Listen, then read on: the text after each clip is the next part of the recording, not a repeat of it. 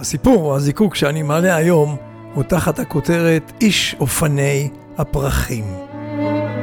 אמסטרדם עיר האופניים, כולנו יודעים את זה. לפי נתוני העירייה, כעשרת אלפים זוגות אופניים ננטשים כל חודש, נאספים על ידי העירייה ונמכרים אחר כך כאופניים משומשים.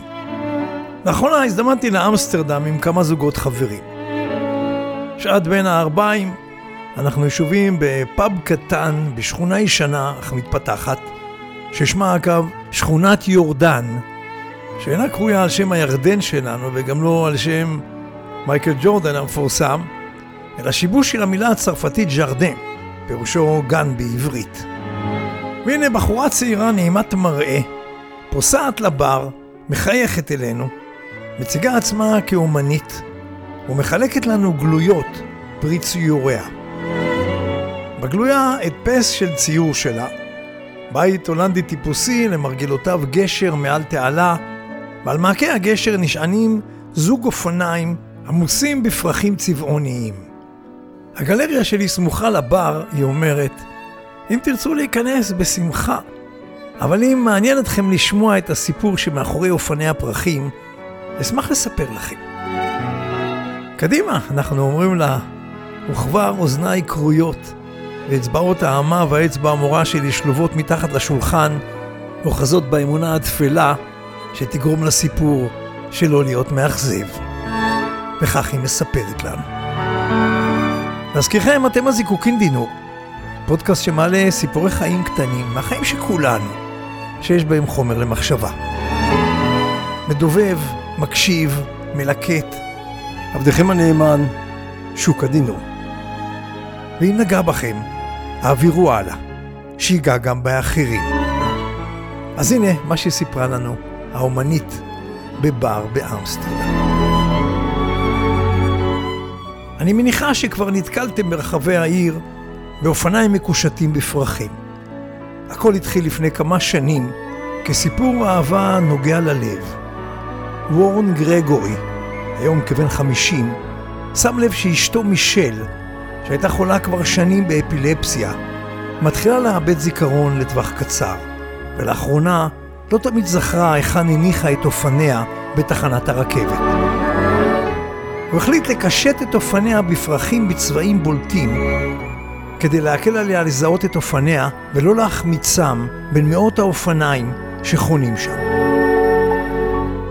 בהמשך, ומבלי לשתף את מישל, הוא החל לאתר אופניים נטושים בדרך שהובילה מהתחנה אליהם הביתה, קישט גם אותם בפרחים בוהקים, ובכך הקל עליה שלא לאבד את דרכה לביתם.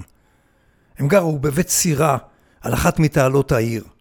וכך דרכה הביתה הייתה סוגה באופני פרחים כמעט עד לפתח בית הסירה שלהם.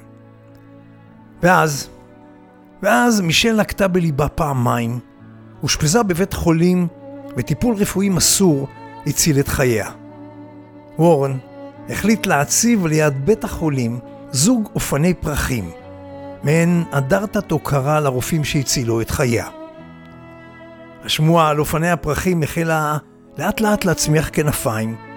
וורן גרגורי, בעלה, כונה איש אופני הפרחים, ותושבים החלו להיות מודעים לתופעה. כשפרצה מגפת הקורונה, ראה זה פלא, העלילה הועצמה. אנשים החלו להשתמש באופני הפרחים שליד בית החולים, אותם אופניים שוורן הציב שם כהוקרה לרופאים שהצילו את חיי אשתו מישל, כמקום שבו מוקירים את כל עובדי הבריאות שנלחמו בחזית המגפה. לאט לאט התווספו עוד ועוד ערימות של פרחים טריים ליד האופניים הללו, ולידם החלו להופיע שלטי תמיכה ברופאים, כמו למשל, הפיצו פרחים במקום להפיץ את הווירוס. סוף סיפור. כיום וורן גרגורי הפך לאומן ידוע שכבר קישט בפרחים מאות זוגות אופניים. הוא מוצף בהזמנות מבעלי עסקים וחנויות הרוצים להציב אופני פרחים ליד עסקם, ובכך הוא ממשיך ותורם ליופייה של אמסטרדם. כך סיפרה לנו האומנית מאשה בבר קטן באמסטרדם. לא התעצלתי, פשפשתי מעט באינטרנט, והסיפור הזה אכן נכון. הוא גם פורסם בעיתונות המקומית באמסטרדם. לו תבקרו כאן, הביטו מסביב. אין לי ספק שתיתקלו בזוגות אופניים מקושטים שכאלה, ולא תתאפקו מלצלמם, מבטיחכם נאמנה. חפשו בגוגל The Flower Bike Man ותמצאו עשרות תמונות של זוגות אופניים מקושטים באופן שובה לב. מישל, אשתו של וורן, לצער כולם רוכבת פחות ופחות על אופניים עקב מצבה הבריאותי המחמיר. ובכל זאת, איזה יופי של סיפור אהבה, של חמלה ואנושיות, אשר בדרך כל כך מיוחדת, הפכה סיפור עצוב לאומנות סביבתית ואסתטית שמשובבת את העין ואת הלב. אז בואו נעזור כולנו לשמור על יפי הסביבה. הנעימה היפה שברקע היא של הלהקה הנורבגית סיקרט גארדן, שנקראת סרנדה לאביב. זיקוקין דינור, שוקה דינור.